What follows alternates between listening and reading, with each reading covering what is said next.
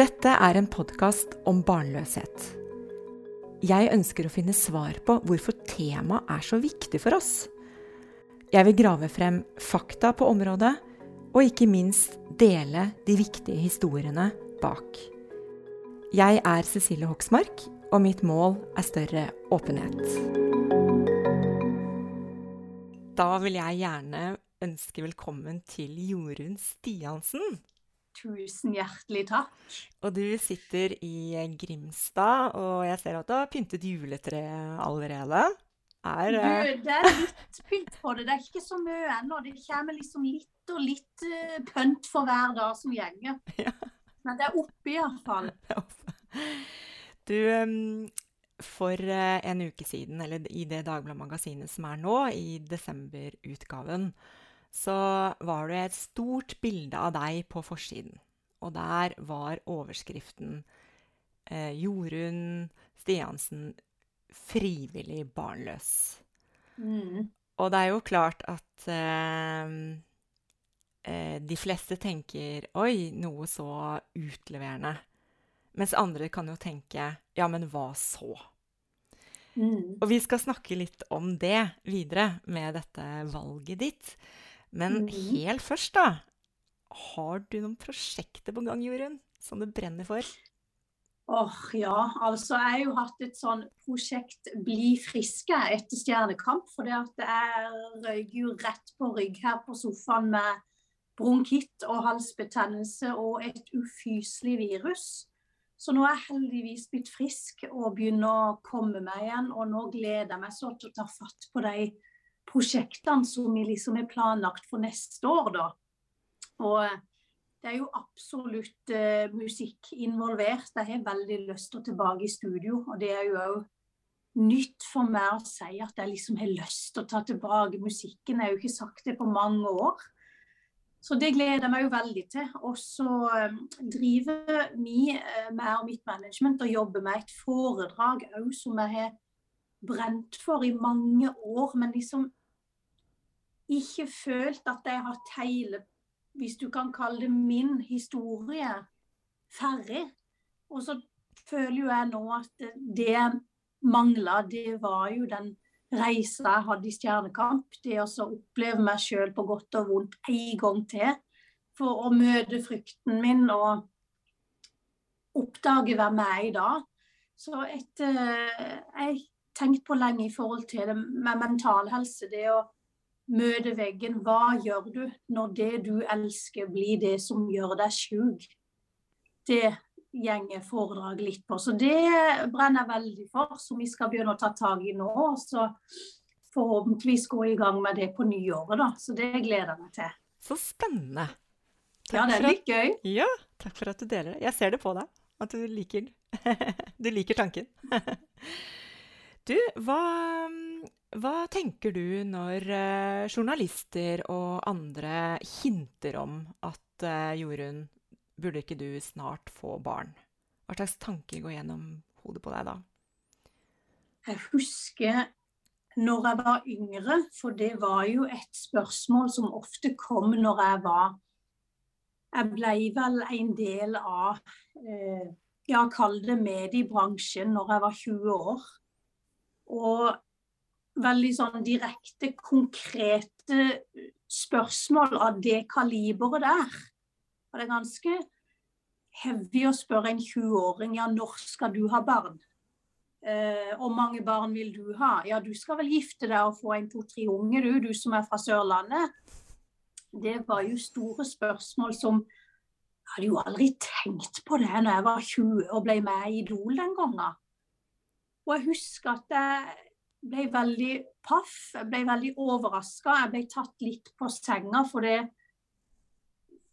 de spørsmålene, på en måte, hvordan skal jeg forklare det? I min hverdag og virkelighet så, så tenkte jo ikke jeg på de spørsmålene. For jeg har aldri sett føre meg meg sjøl som mor, eh, som en forelder. Jeg har aldri drømt om ønska, hatt lyst på barn. Eh, når de andre barna i nabolaget gikk og trilla på hverandres små barn, da, så gikk jo jeg med katten eller bamse eller liksom sånn He-Man og liksom var der, da. Så jeg har aldri liksom sett føre meg meg sjøl som en forelder. Så når de òg spurte om det som en veldig selvfølge, så husker jeg jeg ble veldig undrende, og jeg ble redd, og jeg visste ikke hva jeg skulle svare.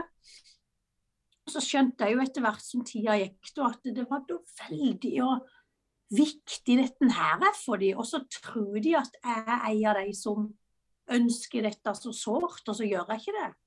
Så jeg sa jo tidlig eh, at hæ, giftermål og mann og barn, det skulle iallfall aldri jeg ha.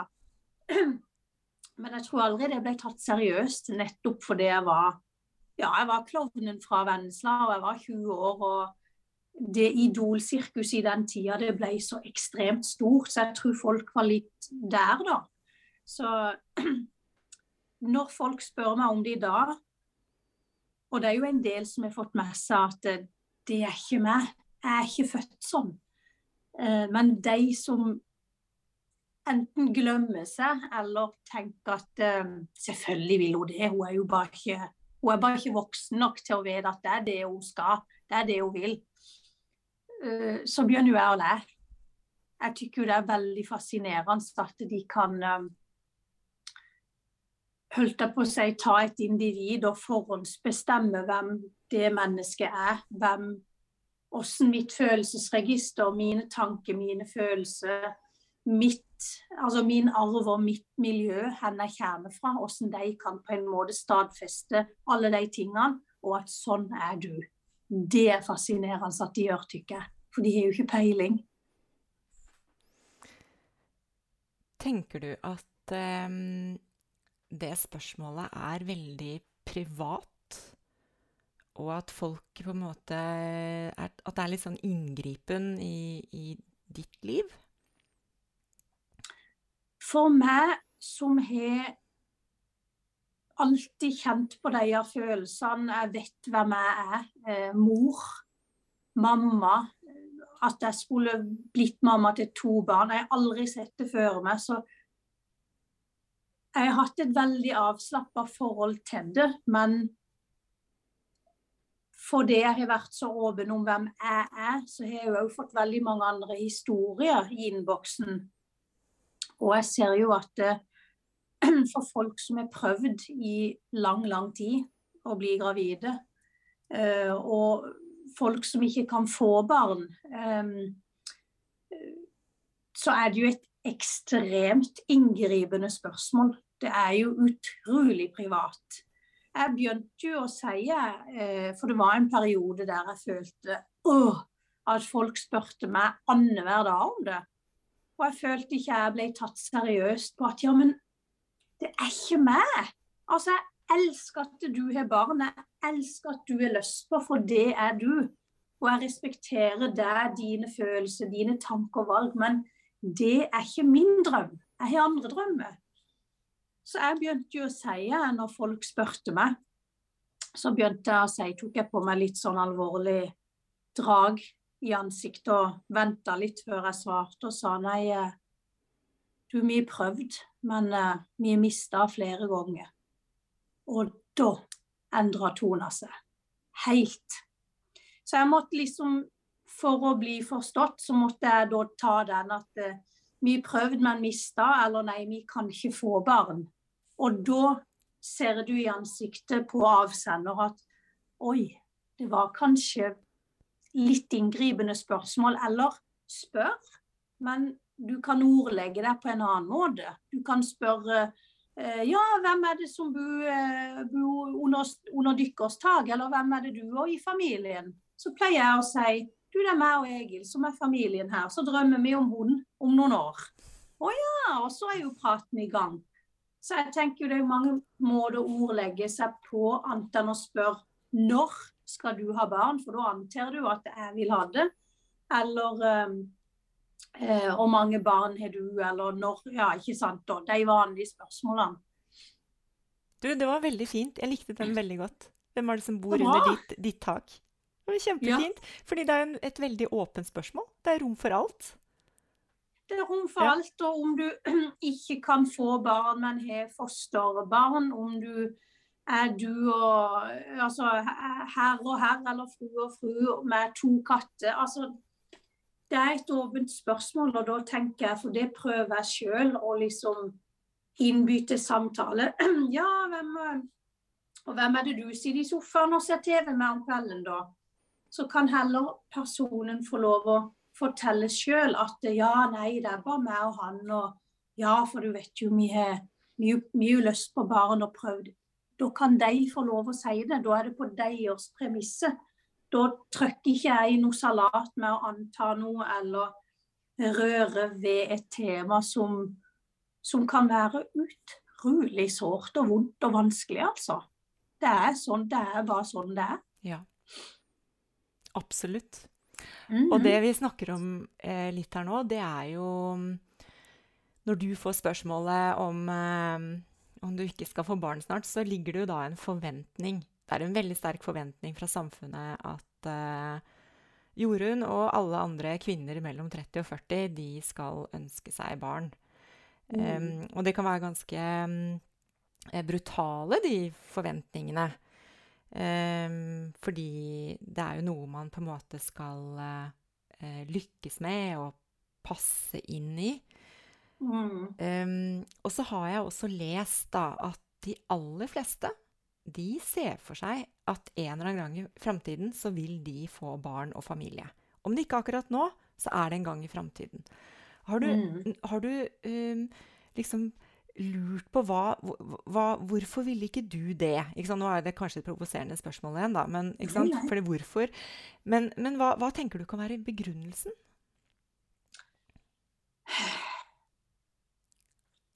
Jeg har aldri tenkt over det spørsmålet før de siste egentlig ti årene, når journalister spurte meg om det. For det, jeg føler det er så vanskelig å sette ord på hvorfor jeg er blitt som jeg er blitt, hvis du kan si det sånn. For det Jeg har som mamma òg sier, helt siden jeg var tre-fire år, så har jeg vært klar på at eh, ja, å lege mor og far eller og barn og få barn og stikke pud under her og, og lege husmor, det gjorde jo aldri jeg. Eh, jeg var ute i skauen og lekte krig og bygga sandslott og lekte Tarzan og hadde andre interesser. Og det er jo bare sånn ja, Hva gjør et menneske til et menneske? Eh, så er det mest fornuftige svaret jeg kan gi, er at eh, jeg er bare født sånn. Jeg, jeg jeg har ikke de genene eller drømmene i meg. Ehm, jeg tror ikke det er noe feil med meg. Aldri, den tanken har aldri slått meg. Jeg har aldri følt at det var noe galt med meg. Men jeg har heller undra ekstremt på da at eh, de forventningene eh, som samfunnet og helst gjennom menn da setter til kvinner. Kvinnens jobb er å være hjemme og passe huset og produsere. Eh, det er jo en diskusjon som gjenger mange herrens år tilbake. Og i forhold til når kvinner fikk stemmeretten og alt det her, altså ja Vi kan jo blir så provosert at det er helt vilt. Men jeg tenker bare at eh, jeg er bare født sånn, og jeg kan ikke klare å se føre meg sjøl som en forelder. Jeg, det er like fjernt for meg som å skal prøve nå å liksom fantasere om at i morgen så får jeg en billett til Mars, og der skal jeg Altså, det går ikke an å se føre seg. Så jeg er bare født sånn, og, og, og dette er meg. og jeg tror det er utrolig provoserende igjen for folk å høre at de ikke har noe sånn Jau, jeg har aldri ønska meg barn fordi jeg sjøl er adoptert og ble gitt vekk av min fødemor når jeg var 16 uker gammel. Så derfor, det skal ikke jeg være en del av. Det er mye lettere for folk å akseptere hvis jeg kunne ha gitt dem et sånn et mer håndfast svar. Men når jeg sier jeg er født sånn, jeg har aldri hatt lyst på, aldri sett før meg. Det irriterer de. Så sånn er det. Ja, jeg vet ikke. Jeg tror du, jeg tror du har rett. Jeg tror um, at folk um, kan lure på hvilke valg de har tatt. Når de ser Ja. at det er andre, andre valg. Det er ikke så opplagt, den veien man har gått, for andre. Så er det en slags eh, noe som provoserer, og noe som utfordrer, da. Det er Um, veldig sant. Så det er, jo, det er jo litt interessant, den dynamikken der, som gjør at den samtalen ikke blir så god heller, kanskje, da. Ja, for, for det er jo det jeg har vært en sånn Å ønske å være en fanebærer for. Jeg har aldri hatt en sånn agenda om at nå skal jeg flagge veldig for å ikke ha barn, for det er så mye bedre enn å ha barn. Hele mitt mål og ønske og drøm ved å prate med du og andre om dette, er jo det med toleranse og aksept for at vi er forskjellige, for at vi ønsker forskjellige ting, vi drømmer om forskjellige ting. Det var som jeg, jeg, jeg tulla med, med ei da, som, eh, som hadde veldig vanskelig for å, for å forstå at ikke jeg ville ha barn, selv om jeg var kvinne. Og da, Jeg tror ikke hun skjønte at jeg gjorde det, men jeg følte meg jo veldig god da. For i de samtalen, når vi ble ferdig å snakke om det med barn, så begynte jo jeg da å snakke om serie og filmer. Og hun tenkte, hun tenkte jo liksom jøss, ja, åssen serie liker du, eller åssen film? Så var det en film som egentlig jeg likte òg. Men da satt jo jeg meg helt på bakbeina og var helt Altså, det er den dummeste filmen som noen gang er lagd seg. Nei, det var det ikke. Jo, den var helt fantastisk. Jo, ikke tenk meg dårligere skuespill og liksom alt sånn nå. Så da vil jo jeg ha fram til bare en sånn banal, teit ting at der var vi uenige. Hun elsker den filmen. For hun så var det den beste filmen i verden, og hun grein og lo når hun så den. Og der, Det var jo egentlig gøy, jeg husker hvilken film det var. Men der da gikk jo jeg inn for å ha den filmen, bare for å vise henne liksom Hvorfor liker du den filmen? Hvorfor har det den? Ja vel, da kan vi ikke være enige om å være uenige, da. Men når det blir liksom livsvalg, da blir liksom tona mye mer alvorlig. Da kan du ikke skøye og lære å diskutere lenger. Og det er jo veldig interessant, tykker jeg. Ja. Tror du eh, folk tenker om deg som eh, egoistisk? Ja, det tror jeg. Men jeg, jeg sier jo da det er jo like egoistisk å få barn, for den ungen har jo ikke uh, banka på inni her. Du, jeg har veldig lyst til å komme til verden og bli født. Please, trykk meg ut. Så det er jo det å, å få barn kommer jo fra et egoistisk ønske fra personen. Oi, nå mangler det noe i livet mitt. Jeg vil ha et tilskudd til familien. Jeg vil ha noen å ta vare på jeg vil ha noen jeg kan være der for. Så det er jo like egoistisk å få barn som det er egoistisk å ikke få det. Så den kommer ikke langt med hos meg. Det det er godt å høre. um, du, når vi skrev til hverandre, så eh, var du innom dette her med eh, normalen. Ikke sant? At vi Mm. har en kanskje en veldig smal eh, definisjon av liksom dette. Dette skal du oppfylle, her skal du, her skal du passe inn, og vi, vi trykker deg inn her. mm. Og så er det jo sånn at hvis man definerer noe som normalt, så blir jo det motsatte unormalt. Mm. Helt uh, av seg selv. Um, tenker du at vi er for uh, strenge på hva som er kriteriene våre? Ekstremt. Um, helt siden Altså, måten du blir oppdratt i egen familie er jo én ting, og noe foreldrene må stå for. Men helt ifra skolealder av så blir jo på en måte litt sånn skjulte kriterier satt. Helt ifra barneskole og tidlig alder. At det er jo når, når det er mann og kvinne som gifter seg, og, og, og de skal få to barn, og ikke sant, det er veldig sånn vi er blitt fortalt en historie siden vi var små om at uh, lykke og det riktige livet. Sånn oppfatter jeg det, da. For jeg husker jeg tenkte det på, liksom, på barneskolen òg, når liksom Ja, å få seg jobb, og få seg mann, og få seg barn. Så jeg husker jeg tenkte ja, men har jo ikke lyst til det. Hvorfor sier de at det er sånn det skal være? Så klart jeg ikke forstår det. Um, og så tenker jeg bare Iallfall i skolen, da. Uansett uh, der du vokser opp, holdt jeg på å si, om, om det er offentlig eller Det å gi rom for mangfold, uh, for at vi er ulike, for at vi har ulike drømmer. At noen drømmer om fire barn, og noen drømmer om å reise rundt verden. og altså med eller uten barn der òg. Altså at vi, vi kan Jeg ønsker da at vi, vi må begynne å Òg perfekt eksempel, nå kom jeg på det. Sånn som jeg sa da når jeg vokste opp eller var på skolen og kunne liksom Nei, jeg skal ikke ha noe barn, eller jeg skal ikke ha noe Ja, men bare vent til du blir voksen. Bare vent til du blir litt eldre, så, så, så ser du at det er det du vil. Jeg skulle ønske da at jeg hadde blitt møtt eh, med en forståelse, eh, at jeg ble sett for å med jeg var der og da. Nei, er det sant, Jorunn? Ja vel. Ja, har du lyst til å gjøre det hvis ikke du skal ha barn?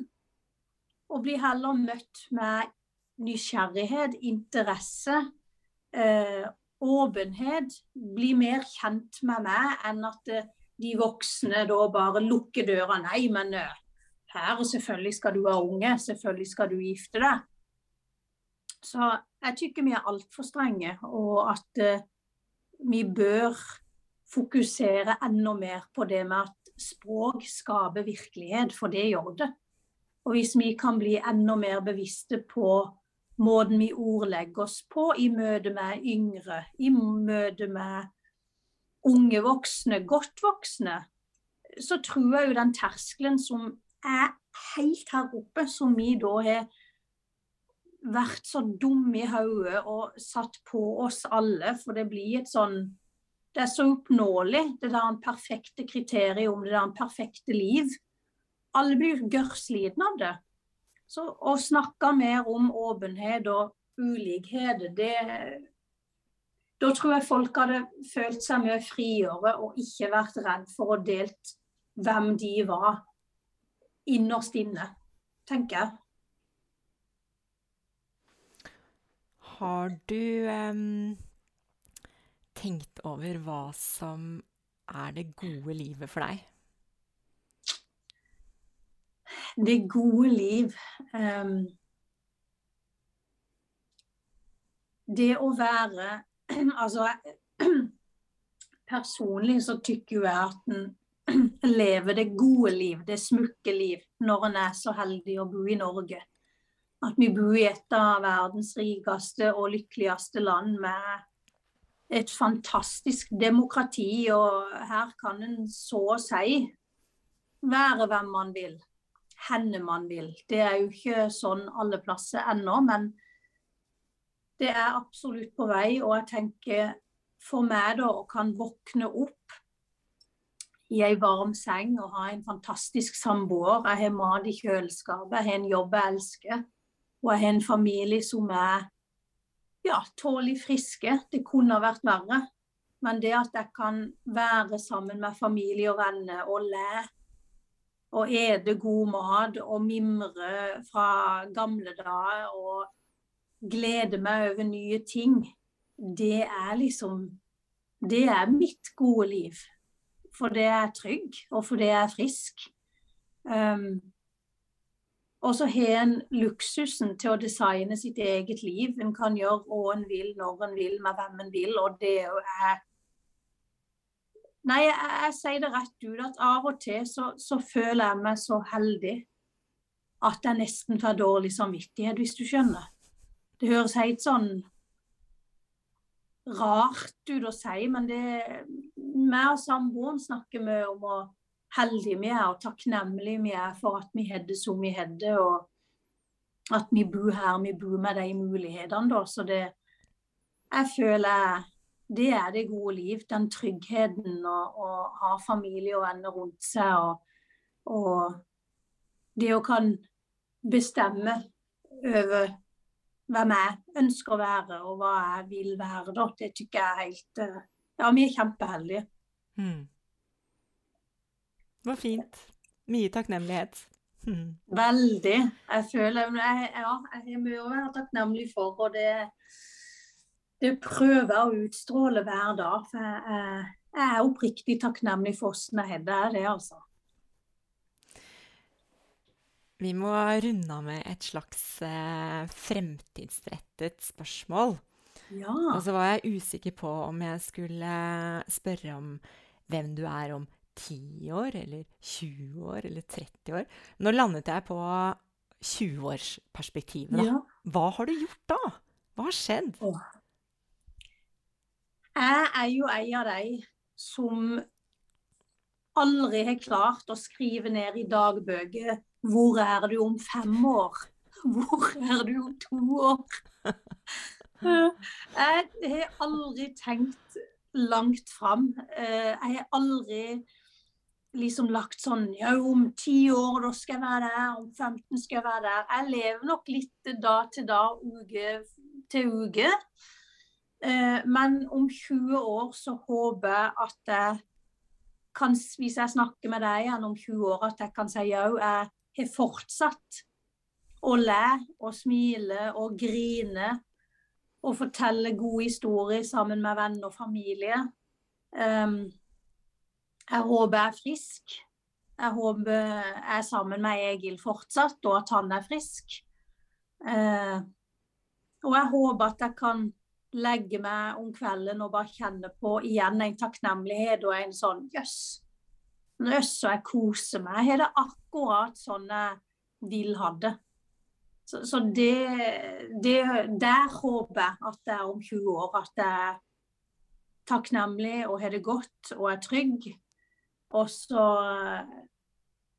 Jeg må jo si at jeg er spent. Jeg gleder meg til ja, til sprellene en skal finne på. Jeg er jo veldig glad i livet. Leve er jo dritgøy. Så det Jeg kjenner jo jeg gleder meg til alle konsertene jeg skal på, konsertene jeg skal gjøre sjøl. Og altså Jeg håper det blir fest og moro i 20 år til. Så bra. Da kan vi jo si at den røflige planen er der, da, men ikke detaljene hva, akkurat hva den skal inneholde. Nei, men jo, én detalj, én sånn fysisk overfladisk ting. Jeg har jo så himla lyst på hus, for jeg bor jo i leilighet. Så jeg, jeg, Egil er sånn der samboer. Ja, men vi må vente, vi må vente litt og se om vi finner noe som er bra. Så for å si det sånn, da. Innen 20 år så håper jeg at jeg sitter i drømmehuset mitt her i Grimstad og er livfornøyd og glad som jeg er nå når jeg snakker med deg. Det, det er liksom Skål for den. Skål for den. Det var en fin, uh, fin, avslutning. Og jeg er veldig glad for at jeg har blitt litt bedre kjent med deg, Jorunn. Skal gjerne ha møtt Takk. deg i virkeligheten en gang også, for nå sitter vi her på Zoom. Men uh, det, var, det, var, ikke så verst, det heller. Det gikk fint. Det var helt topp. Jeg tykte det var kjempekoselig. ja. Og så håper jeg vi Jeg håper jeg ser deg en gang. I like måte. Tusen hjertelig takk. Så må du ha lykke til med all, alt det du skal gjøre. Tusen takk.